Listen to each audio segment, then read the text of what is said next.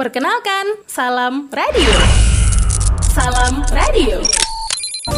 Radio streaming yang menyuguhkan informasi tentang COVID-19 yang sekarang sedang mewabah di Indonesia. Tenang aja, gak usah panik. Mari bersama kita wujudkan Indonesia bebas dari zona merah COVID-19. Salam radio dari udara, kita bersama lawan Corona.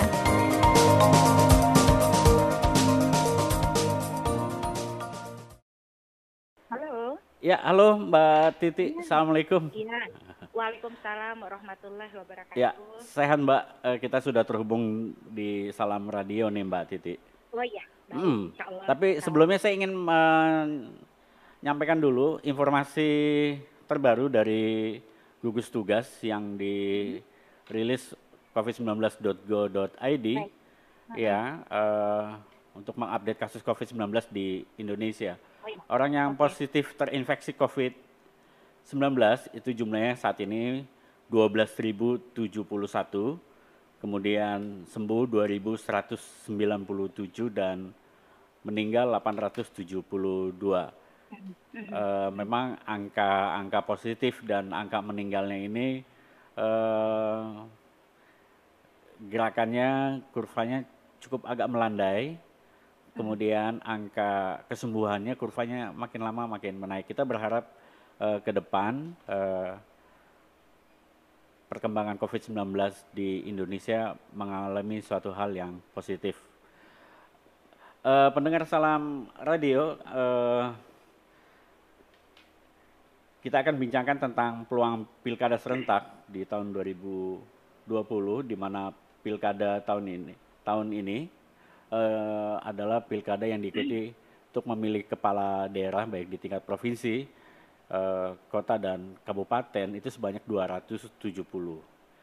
Dan semestinya pemilu kada itu dilaksanakan pada tanggal 23 September tahun 2020, namun karena adanya pandemi COVID-19, Komisi 2 eh, beberapa waktu yang lalu menyelenggarakan rapat yang dihadiri rapat kerja yang dihadiri oleh Kementerian Dalam Negeri dan KPU telah memutuskan bahwa pelaksanaan pilkada serentak di- dilaksanakan tanggal 9 Desember tahun 2020.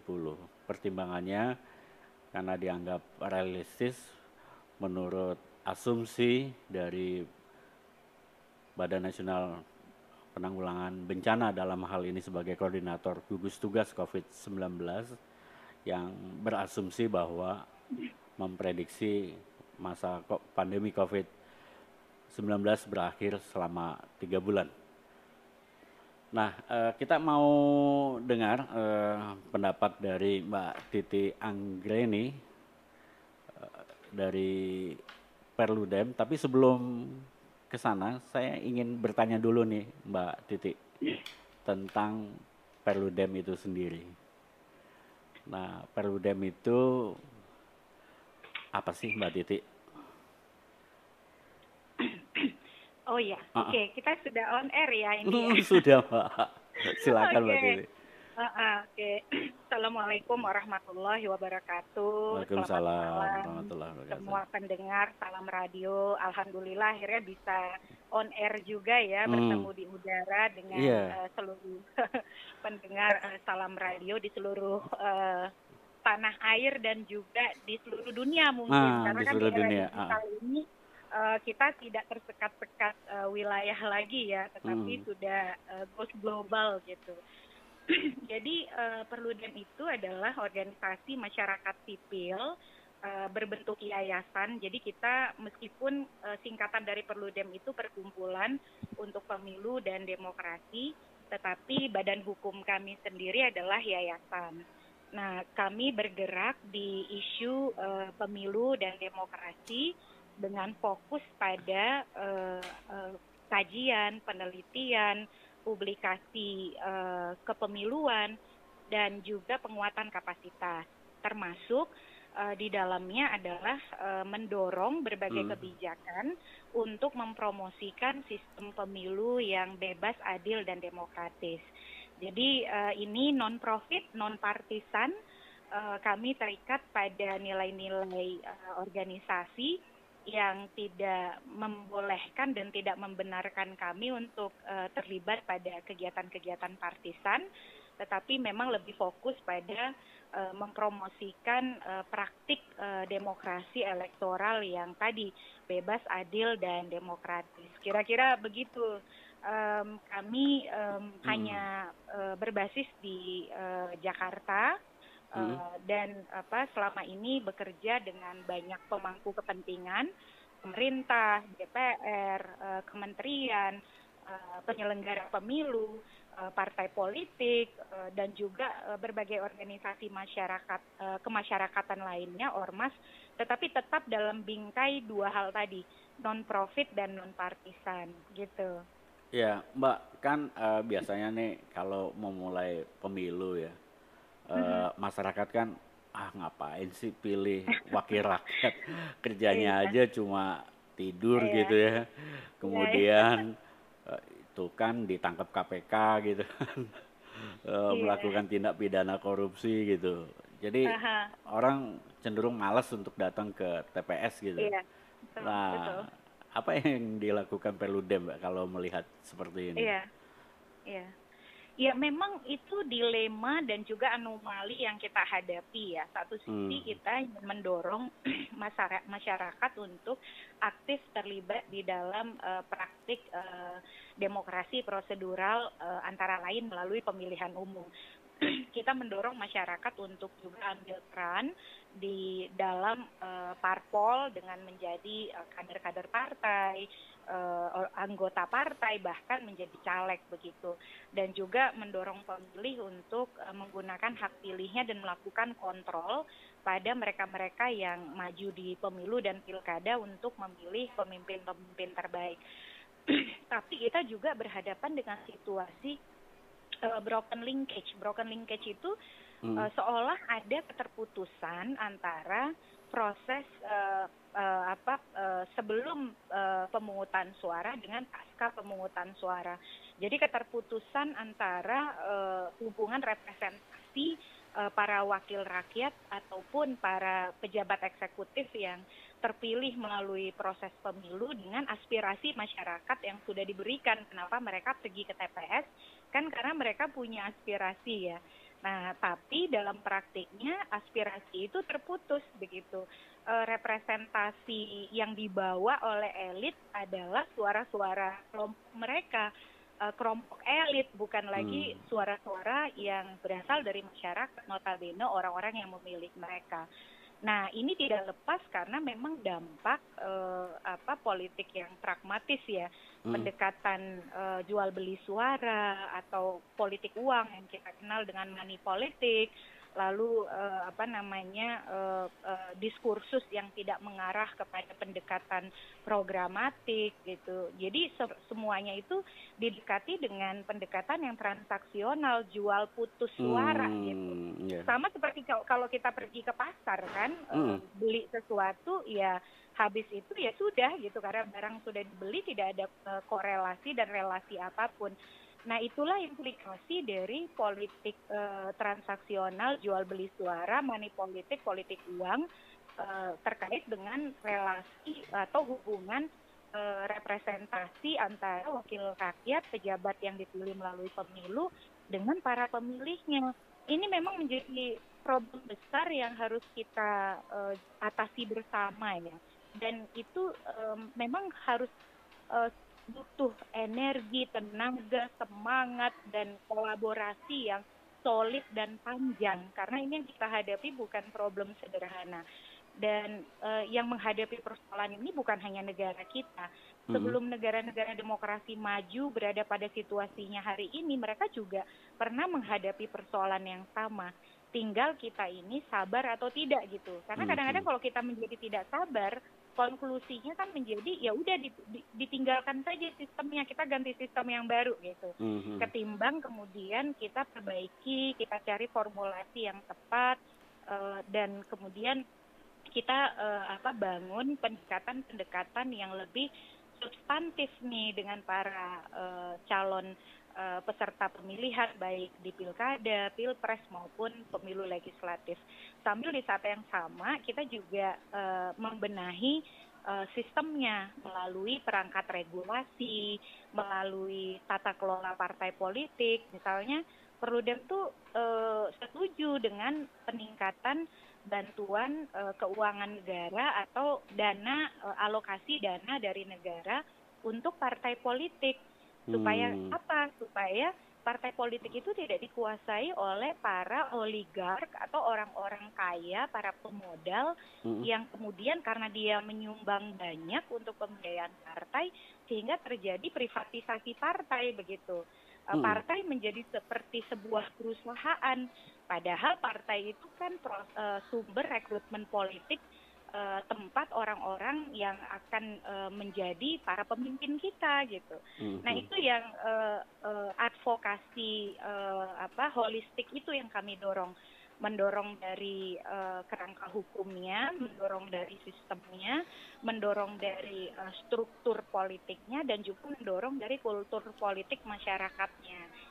Nah, e, makanya diskusi-diskusi dengan salam radio seperti malam ini ini menjadi penting gitu. Mm -hmm. Sehingga kita tidak lagi mendikotomi antara kehidupan e, apa e, kita dengan ke, e, apa kehidupan politik gitu. Karena setiap e, apa setiap bagian dari kehidupan kita ya adalah e, apa aktivitas politik begitu. Tinggal kan arahnya harus amar ma'ruf nahi munkar gitu -hmm. ya bagaimana kebenaran, kebenaran, kebaikan, kebajikan itu yang menjadi pondasi di dalam praktik politik kita. Iya, uh, kalau dari sisi calon wakil rakyatnya itu sendiri seperti apa Mbak? Apakah perlu dem juga mengkritisi begitu listnya keluar calon yeah. uh, anggota dewan kok seperti ini, kemudian calon uh, bupatinya seperti ini, calon pemimpin daerah itu dikritisi nggak mbak? Ternyata wah dia punya rekam jejak yang buruk gitu. Iya, dia punya iya. jejak um, rekam jejak yang buruk ditambah ada juga rekam jejak secara dinasti gitu. Iya, Jadi betul. ini kan wah dinasti politik kayak semacam uh, apa kerajaan di daerah dalam tanda kutip. Gimana, iya betul Mbak? betul betul. Jadi memang uh, problem kita tuh ada uh, kalau boleh disederhanakan tuh ada dua ya. Hmm. Satu uh, politik uang, hmm. yang kedua itu politik dinasti atau kekerabatan. Nah, kadang-kadang dua hal ini berkelindan gitu. Jadi uh, sudah dua-duanya menjadi virus bagi demokrasi kita, tetapi dalam beberapa praktiknya justru dua hal ini berjalan berdampingan gitu, berjalan bersamaan.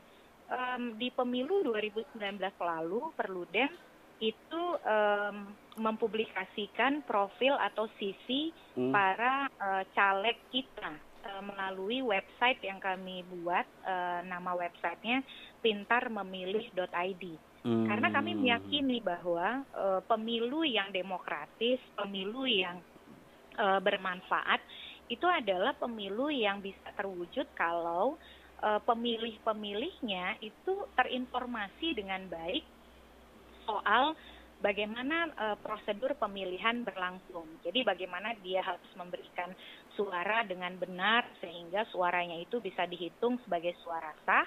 Jadi soal teknis pemilihan lah ya. Hmm. Soal bagaimana mencoblos yang benar, uh, kapan hari H, lalu di mana TPS-nya, hal-hal yang sifatnya teknis pemilihan.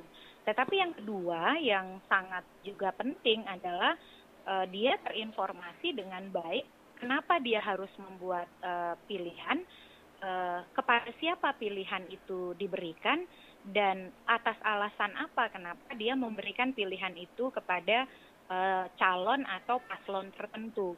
Jadi uh, pemilu yang berkualitas yang bermakna adalah ketika kita punya well informed voters. Jadi pemilih yang terinformasi dengan baik soal kandidat, latar belakang kandidat, visi misi kandidat begitu.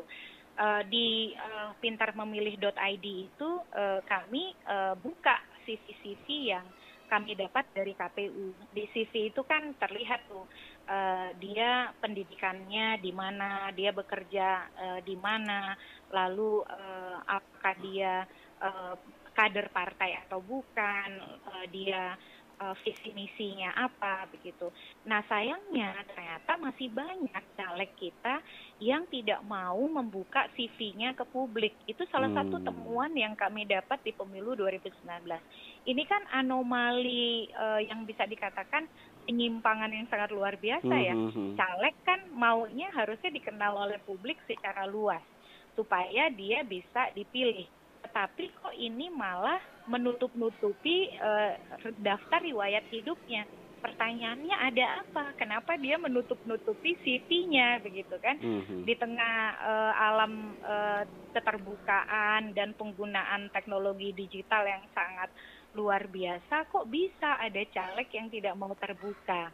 Nah, Uh, itu yang kami temui ketika uh, kami mempublikasikan riwayat hidup caleg di pemilu 2019 lalu dan kami berharap masyarakat itu bisa memilah uh, apa uh, mana caleg yang berkomitmen pada keterbukaan, akuntabilitas, transparansi dengan caleg yang uh, apa uh, menutup diri dari akses hmm. publik gitu.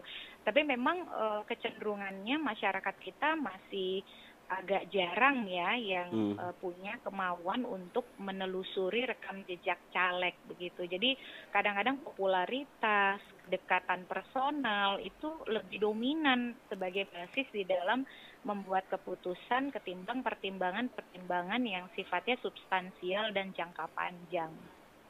Ya, uh, Mbak Titi, uh, dalam pelaksanaan uh, pilkada gitu ya tadi ya. ya tadi dua sisi dari pemilihnya sendiri maupun uh, para calon.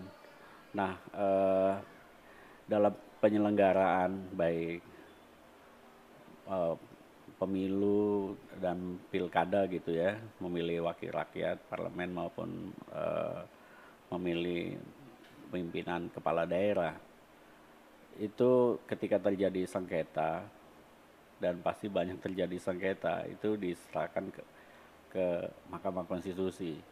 Jadi hari ini sih publik melihatnya Mahkamah Konstitusi lebih banyak berperan untuk mengurusi sengketa ini ketimbang uh, soal uh, judicial review undang-undang yang lainnya, tapi lebih banyak mendominasi ini. Kenapa sih tidak di awal saja misalnya uh, aturan-aturan KPU dan atau regulasi atau undang-undang uh, KPU yang lebih mengatur secara ketat agar sengketa-sengketa uh, ini meminimalisasi maksud saya sengketa-sengketa ini tidak terjadi gitu Mbak Titi. Um, iya kecenderungannya justru um, perselisihan hasil uh, pilkada atau PHPUD ya perselisihan hmm. hasil pemilihan umum daerah atau pilkada kecenderungannya justru menurun. Jadi memang pesannya yang masuk ke MK tuh banyak. Tetapi setelah Mahkamah Konstitusi memperlakukan ambang batas uh, perselisihan hasil. Hmm. Jadi uh, walaupun sebenarnya Perludem itu kurang sepakat ya dengan ambang batas uh, perselisihan hasil hmm. uh, yang diatur di dalam Undang-Undang Pilkada kita. Jadi Undang-Undang Pilkada itu mengatur bahwa uh, selisih hasil di antara pemenang dengan yang menggugat itu harus dalam skala uh, setengah sampai dua persen. Hmm. Jadi kalau selisihnya lebih dari dua persen itu uh, tidak memenuhi uh, persyaratan formal. Itu yang nah, menyebabkan itu, uh, menurunnya ya. Uh, iya betul, hmm. itu yang menyebabkan menurunnya meskipun dalam perkembangannya mahkamah uh, tetap membuka diri apabila ternyata perselisihan itu selisihnya lebih dari dua persen, tetapi melibatkan kecurangan yang terstruktur, sistematis dan masif begitu. Hmm. Uh, sekarang ini justru uh, kecenderungannya para beberapa paslon itu uh, karena adanya pasal uh, selisih uh, apa maksimal setengah sampai dua persen itu dia lebih jor-joran untuk curang di tahapan begitu supaya hmm. nanti selisihnya banyak dan tidak bisa pergi ke Mahkamah Konstitusi itu itu akhirnya menjadi apa uh, kotak Pandora tersendiri gitu ya. Uh, tadinya ingin uh, apa menjadi penyaring agar tidak banyak perkara ke MK, tetapi justru menjadi modus baru.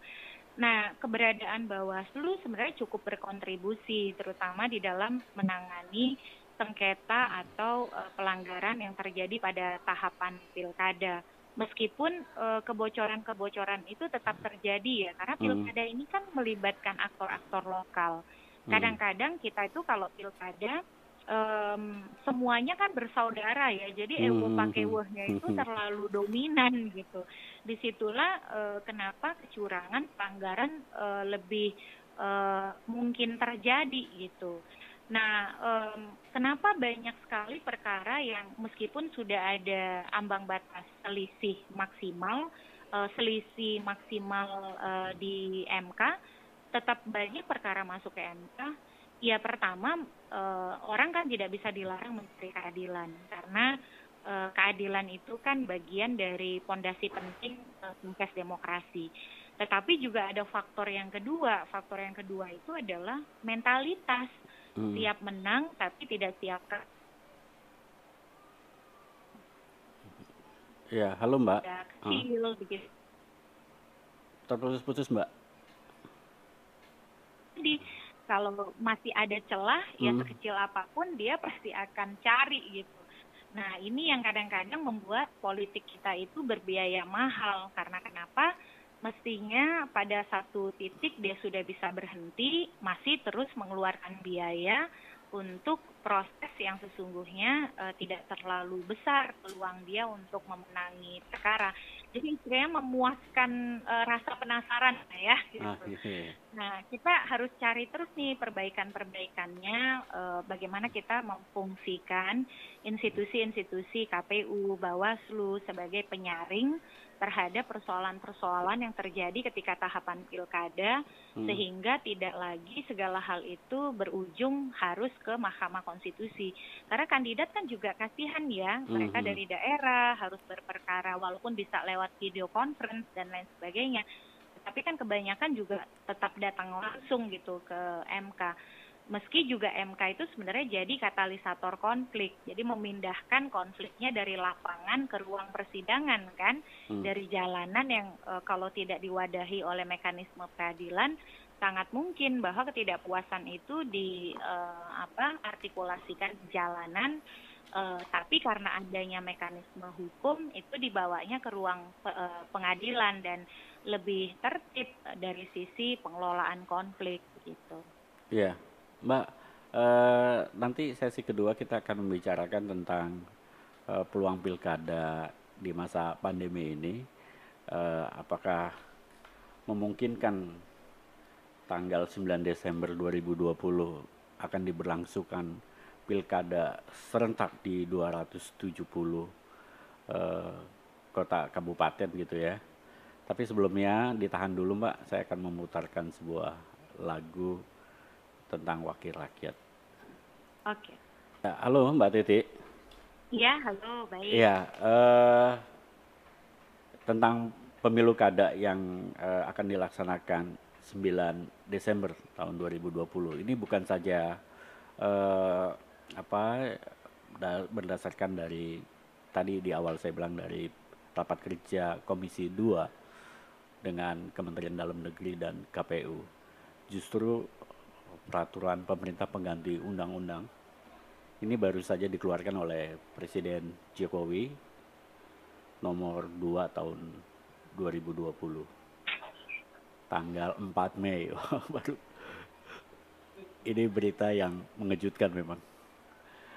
Uh, bagaimana Mbak Titi melihat ini? Iya uh, akhirnya um, apa barang yang ditunggu-tunggu. Uh, terbit juga ya. Hmm. Um, kami sendiri melihat per, kami sendiri menunggu Perpu ini karena uh, Perpu ini menjawab kebutuhan hukum untuk mendapatkan kepastian terhadap tindak lanjut uh, tahapan pilkada pasca penundaan yang dilakukan oleh KPU. Kan uh, rentetan peristiwanya kita awali uh, dari penundaan pilkada secara nasional yang dilakukan oleh KPU pada 21 Maret 2020 yang menunda empat aktivitas tahapan pilkada, mulai dari uh, pembentukan uh, panitia uh, pemungutan suara atau PPS, verifikasi faktual uh, syarat Mhm. dukungan calon perseorangan, pembentukan panitia pemutakhiran data pemilih atau PPDP dan proses coklit uh, data pemilih, pencocokan dan penelitian data pemilih. Jadi diskursus atas penundaan ini adalah soal legalitas uh, hukum uh, langkah hukum yang dilakukan oleh KPU. Hmm. KPU itu berwenang atau tidak sih? Karena apa yang dilakukan oleh KPU itu kalau kita bedah Hmm. itu tidak ada cantelan hukumnya di dalam undang-undang pilkada. Tetapi kan situasi memang harus e, membuat KPU mengambil langkah itu karena sudah jadi bencana nasional. Kalau dilanjutkan tahapan akan membawa resiko kesehatan dan keselamatan para petugas, Hmm. pemilih ataupun eh, apa calon peserta pemilihan. Jadi satu sisi ada kebutuhan mendesak bagi KPU untuk melindungi para petugas dan pemilih serta calon peserta pemilihan, tetapi di sisi yang lain ada legalitas hukum yang eh, tidak eh, menyediakan eh, sandaran hukum yang kuat begitu. Nah, jawaban itu ada di Perpu. Perpu akan eh, menjadi alas hukum yang sangat kuat bagi tindakan eh, KPU dalam menunda tahapan pilkada. Eh, kita eh, ya bersyukur dan mengapresiasi akhirnya itu dikeluarkan karena itu yang kita sudah tunggu-tunggu sejak Hmm. lama. Nah, tapi kalau kita baca Perpu ini kan ada tiga ya Hmm. eh, yang diatur eh, substansi yang diatur. Yang pertama eh, pasal 102 120 Undang-Undang Pilkada itu diubah eh, yang semula penundaan pilkada eh, dan eh, bisa mengakibatkan pemilihan lanjutan hanya karena kalau bencana alam, gangguan keamanan atau kerusuhan atau gangguan lainnya.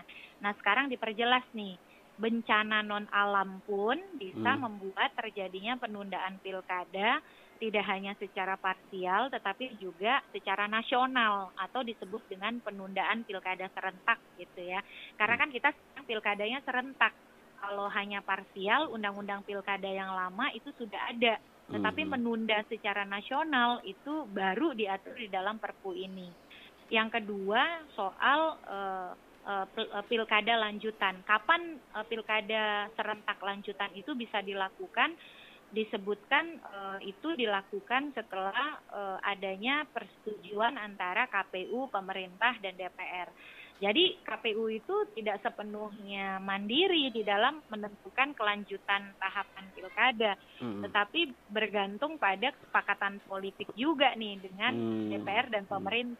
Bisa saja KPU-nya eh, tidak mau, tapi pemerintah dan DPR-nya mau. Nah, itu bisa jadi tarik poli- tarik menarik politik baru kan gitu Hmm. eh, di dalam menentukan kelanjutan tahapan.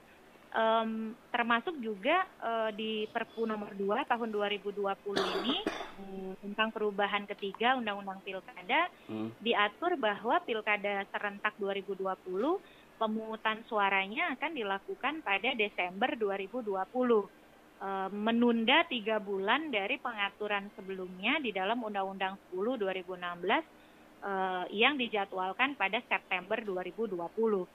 Nah, eh, ternyata Desember 2020 itu belum sepenuhnya final, masih ada lagi ketentuan berikutnya bahwa dalam hal tidak dapat dilaksanakan pada Desember 2020 maka pelaksanaannya dilakukan setelah bencana non alam berakhir begitu.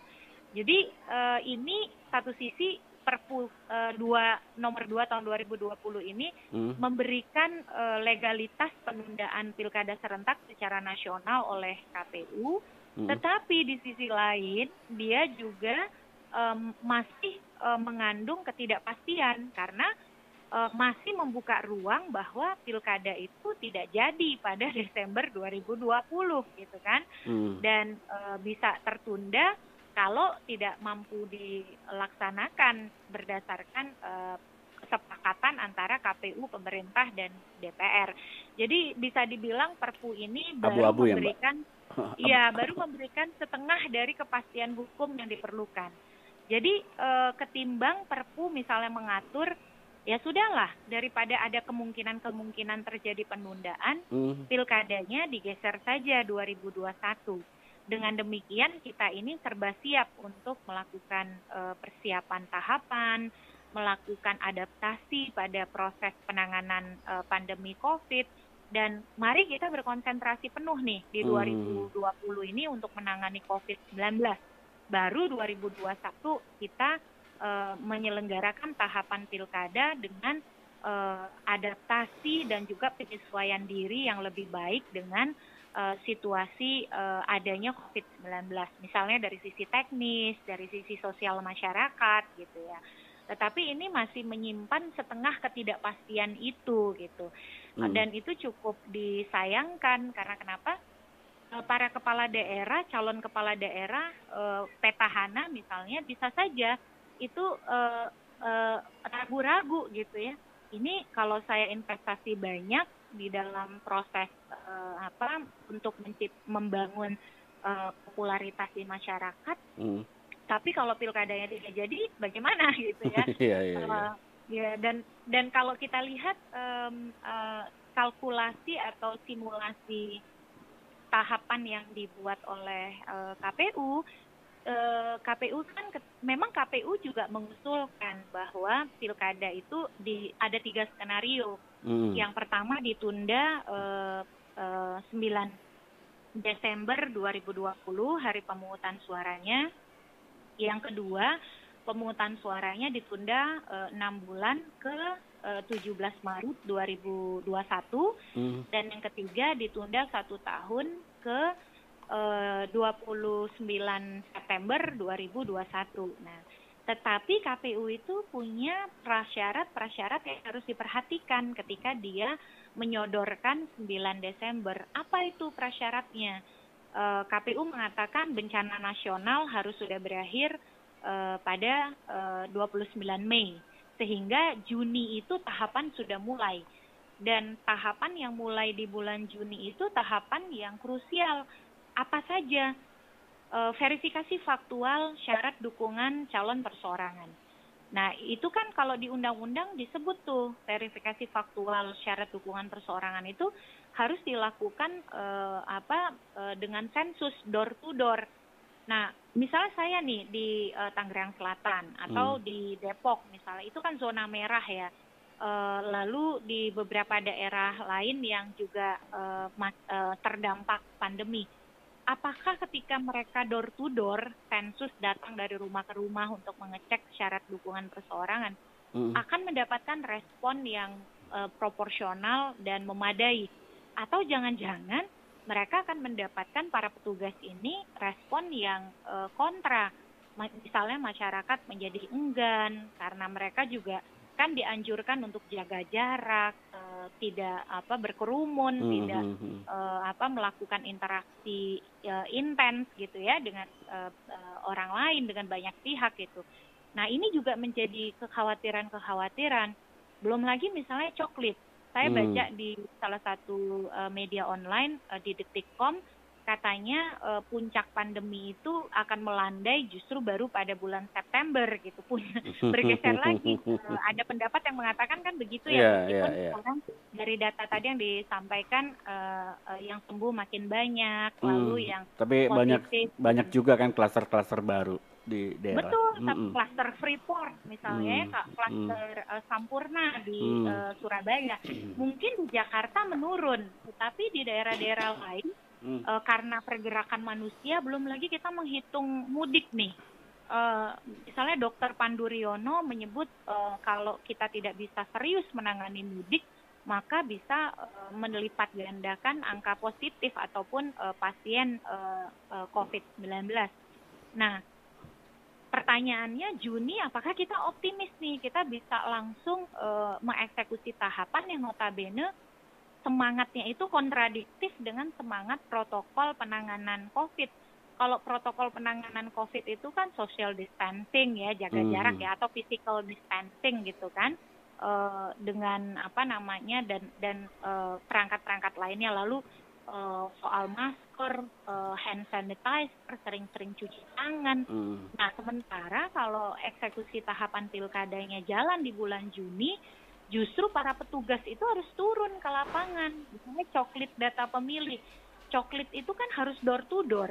Tidak bisa uh, coklitnya itu misalnya uh, apa lewat telepon atau aturannya itu belum memadai untuk itu.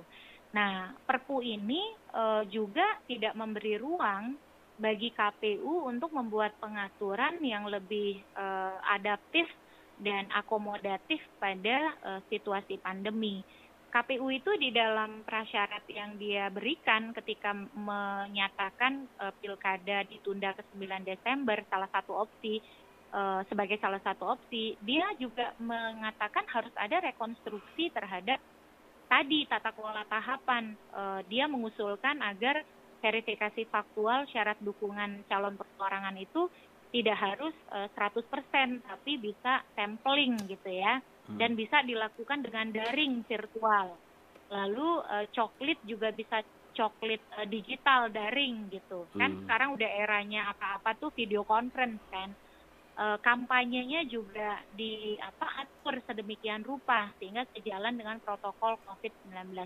Nah, pintu masuk ke sana itu belum diberikan. Artinya apa? Kita melaksanakan pilkada masih hmm. dalam situasi krisis atau situasi pandemi tapi eh, tata kelola tahapannya itu merujuk kepada tata kelola tahapan normal. Nah, bagaimana nih kita mem mempertemukan antara protokol kesehatan penanganan COVID dengan tata kelola pilkada sehingga tidak kontradiktif.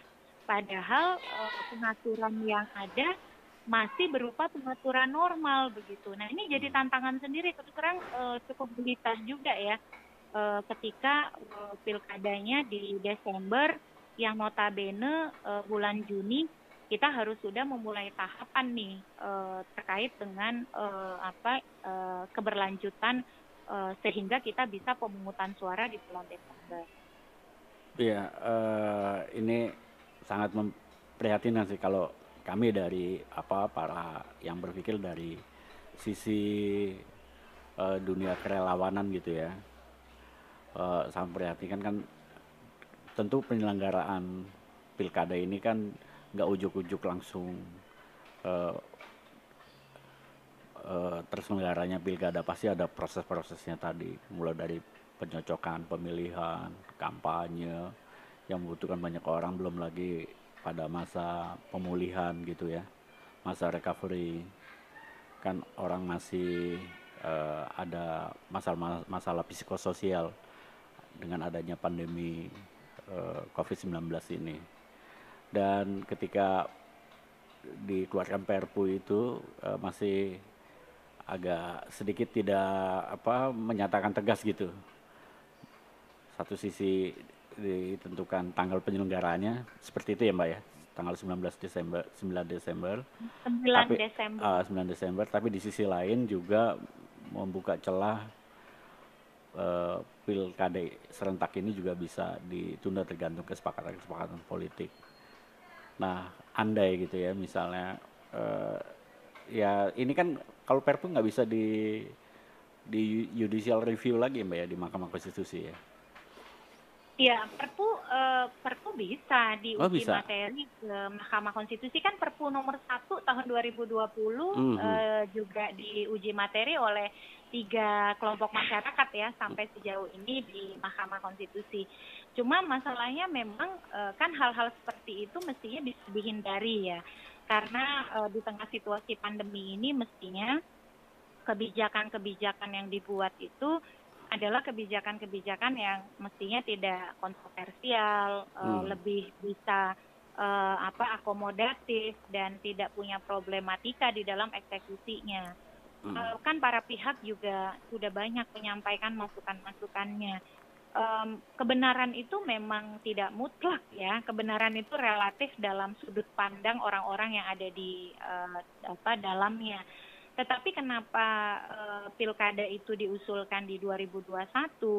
Karena memang pertimbangan tadi, ketika pun ma misalnya masa bencana nasional ini berakhir, kan psikososial masyarakat juga harus dipikirkan, tidak serta-merta langsung bisa beradaptasi dengan kondisi politik yang uh, berjalan gitu. Uh, harus ada adaptasi-adaptasi terutama dari sisi ekonomi, uh, apa uh, psikologi masyarakat dan lain sebagainya. Jadi beri jeda dulu lah gitu.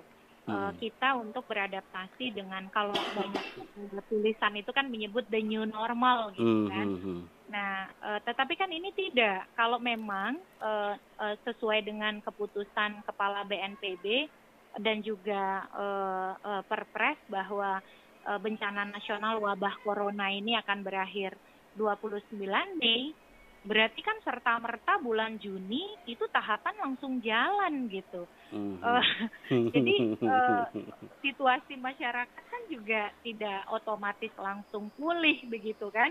Yeah, iya. Pasti yeah. Uh, apa misalnya karena saya tinggal di Tangerang Selatan dan saya pengguna MRT di MRT pasti ada pengaturan jarak lalu juga uh, soal apa uh, kebersihan, uh, hand sanitizer, masker dan lain sebagainya. Nah, pertanyaannya kalau kita melaksanakan tahapan di bulan Juni, KPU siap tidak dengan penyelenggaraan pilkada berdasarkan uh, apa protokol kesehatan uh, penanganan COVID-19? Yang kedua, apakah uh, anggaran yang tersedia memadai mm. uh, untuk memproteksi secara maksimal para petugas penyelenggara pemilu? Uh, soal misalnya masker. Mm-hmm. kan eh, nggak uh, mungkin uh, apa semuanya itu dibebankan pada individu-individu ya. Masker mm-hmm. kain kan katanya hanya bisa digunakan maksimal 4 jam. Nah berarti kan mereka harus punya banyak cadangan masker kain. Kan nggak mungkin cuci kering cuci kering cuci kering gitu ya. Lalu uh, hand sanitizer mereka harus bawa tuh uh, kan hal itu tidak perlu disediakan kalau mereka tinggal di rumah dan tidak melakukan aktivitas. Negara pun kan harus berkontribusi gitu. Hmm. Kemudian disinfektan.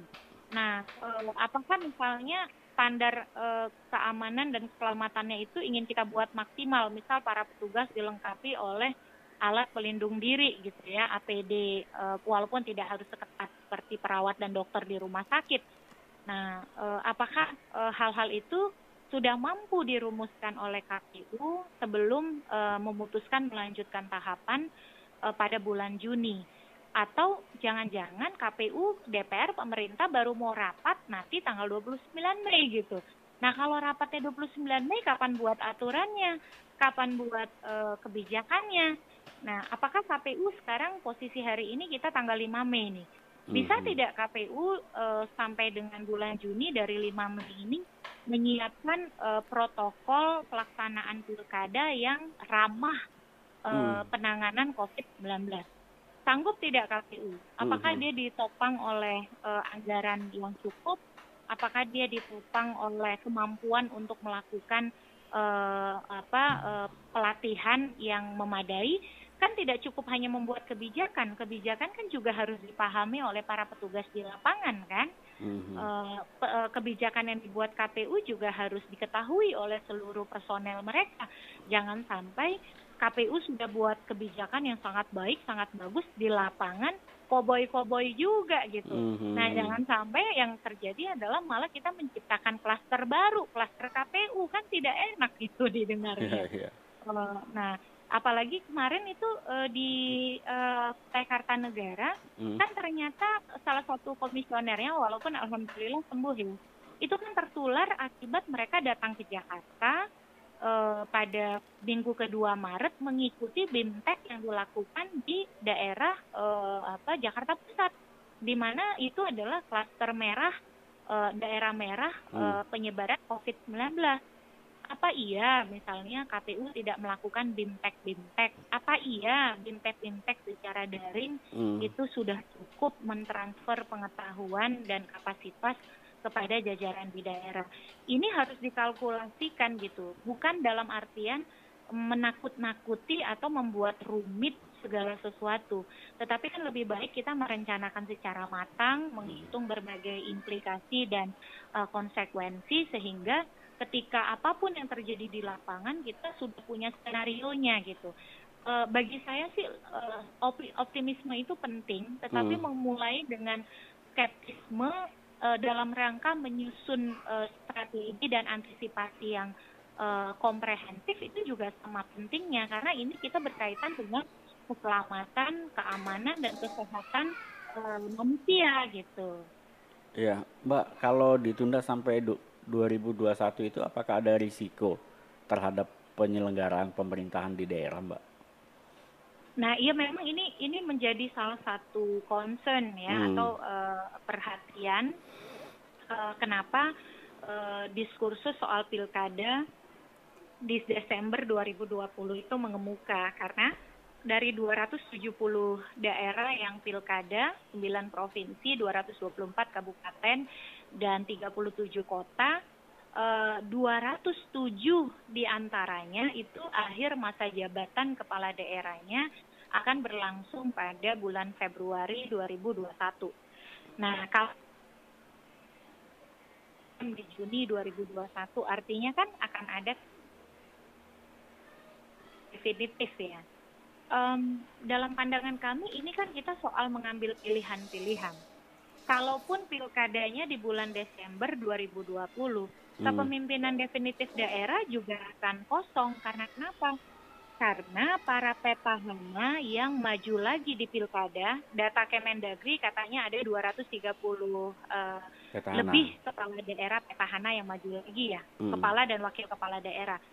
Mereka itu kalau maju, eh, mereka harus cuti di luar tanggungan negara pada masa kampanye. Berdasarkan jadwal yang dirilis oleh KPU, kalau pilkadanya 9 Desember 2020, maka masa kampanye itu mulai eh, di tanggal 11 September.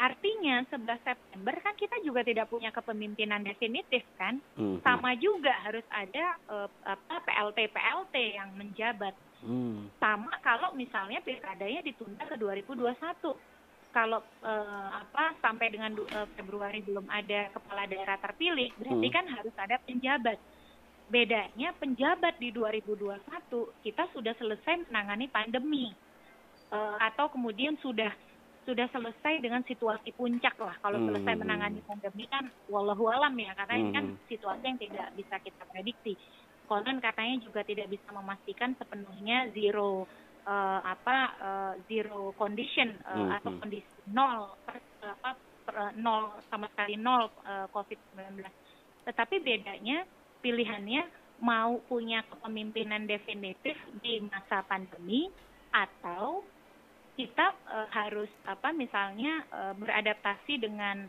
eh, kepemimpinan eh, penjabat tetapi masa puncak pandemi itu sudah kita lewati kan ini soal pilihan-pilihan saja gitu Mhm.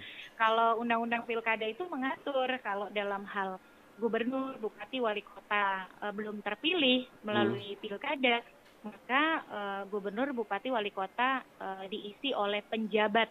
Nah, penjabat ini ada kriterianya. Nah, eh, mestinya kan eh, hal ini eh, yang eh, dibuat mudah gitu ya. Eh, makanya kami mengusulkan Juni itu karena begini, em, harapannya eh, kalau Juni pilkada, Juli itu sudah terpilih pemimpin definitif, masih bisa dia ikut pembahasan rancangan eh, anggaran eh, pendapatan belanja daerah perubahan APBDP. Eh, karena kan APD, APBDP itu APBDP itu baru dibahas nota eh, ininya eh, perubahannya di bulan Juli gitu. Sehingga dia masih bisa eh, berupaya untuk memenuhi eh, janji-janji politiknya, misalnya janji 100 hari dan lain sebagainya. Nah, em, tetapi eh, kalau pilkada Juni itu kan tahapan dimulai bulan Januari lah gitu. Mhm. Januari itu ya kita mulai tahapan baru gitu. Kita sudah melalui segala dinamika di 2020 betul-betul kita fokuskan, kita konsentrasikan untuk penanganan COVID-19. Sehingga ketika masuk di 2021 kita mulai terbiasa, kita mulai mampu eh, mengantisipasi berbagai potensi masalah dan soliditas kita itu lebih teruji begitu ketimbang di satu sisi harus maksimal menangani COVID, di sisi yang lain kepala daerah definitif cuti di luar tanggungan negara karena menjadi petahana kan juga tidak kompatibel eh, Mhm. apa praktiknya di lapangan. Ya, ya Mbak Titi, eh, menurut Mbak Titi kan eh, yang sangat realistis memang pilkada serentak ini ditunda ya sampai 2021. Pilihan bulannya ya sekitar bulan Juni lah yang Mbak Titi sampaikan itu yang sangat realistis yang di mana melihat dari dua sisi kepentingan kepentingan pemilihnya itu sendiri kepentingan masyarakat yang terlindungi kemudian eh, uh, sisi lain adalah kepentingan penyelenggaraan pemerintah.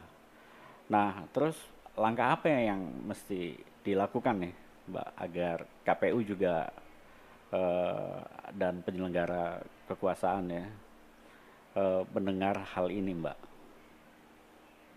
Iya, um, saya kira um, meskipun KPU tidak sepenuhnya mandiri ya di dalam hmm. memutuskan hmm. uh, tahapan pilkada, karena kalau kita baca pasal uh, 122A uh, Perpu nomor 2 tahun 2020 ini uh, keputusan untuk melanjutkan tahapan pilkada itu kan harus dengan persetujuan bersama antara KPU, pemerintah dan DPR. Hmm. Uh, yang perlu diperhatikan oleh KPU, KPU jangan sampai ikut langgam politik begitu. KPU harus membawa kepentingan uh, demokrasi dan uh, keselamatan keamanan rakyat sebagai uh, mandat utama mereka di dalam uh, hmm. menyusun rancangan jadwal. Karena kalau sudah hitung-hitungan politik uh, itu sudah sulit begitu. Jadi uh, bagaimana KPU memastikan bahwa setiap keputusan dan kebijakannya itu betul-betul didasari oleh kepentingan demokrasi dan perlindungan pada warga negara.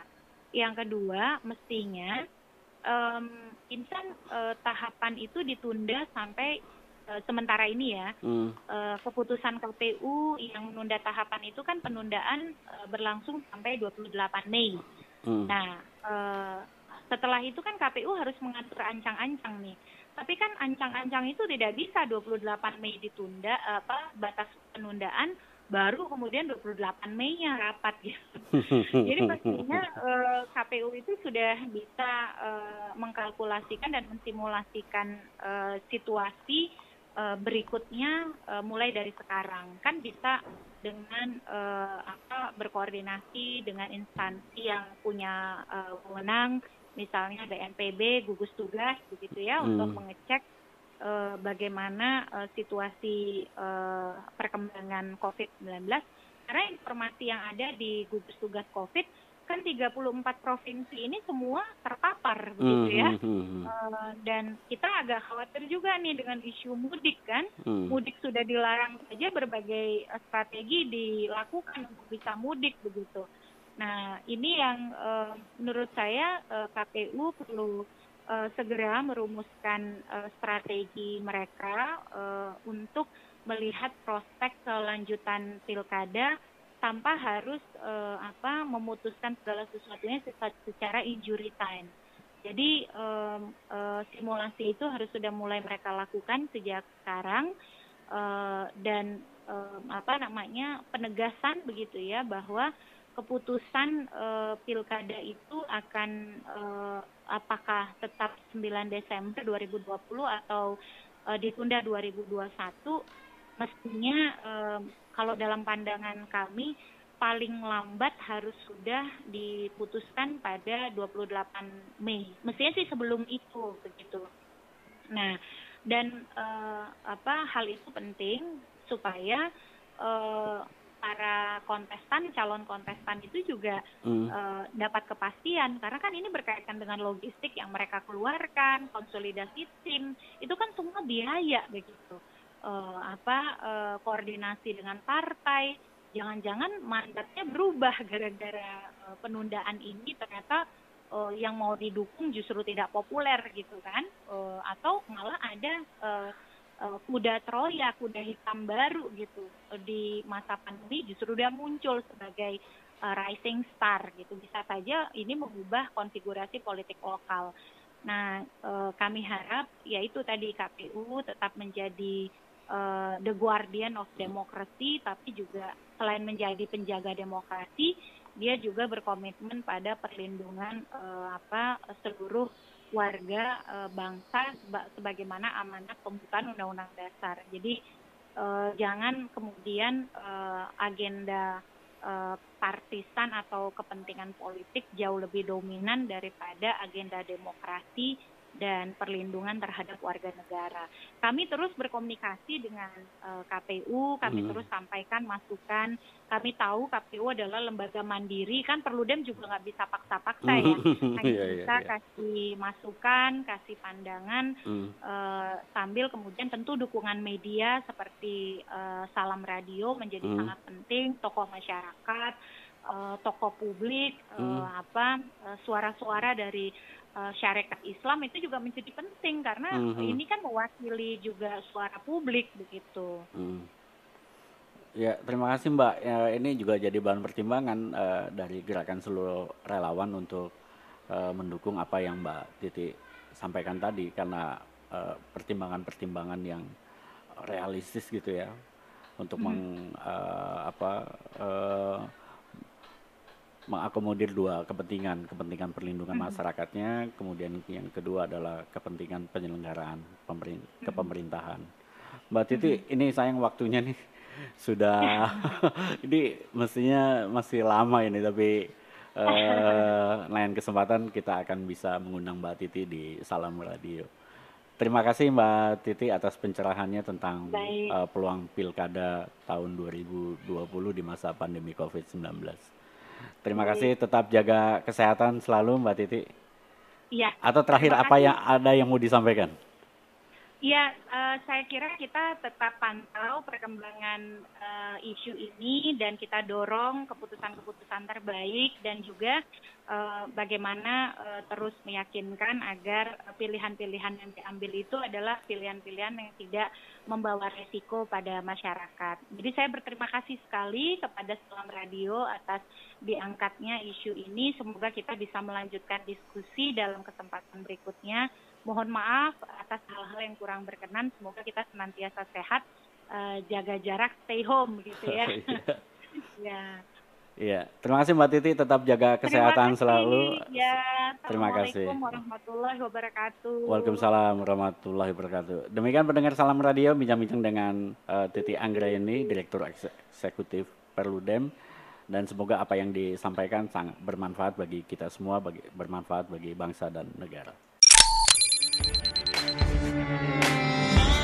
COVID-19 di Indonesia sudah tidak bisa dianggap sebuah candaan. Lebih dari seribu jiwa sudah dinyatakan positif COVID-19.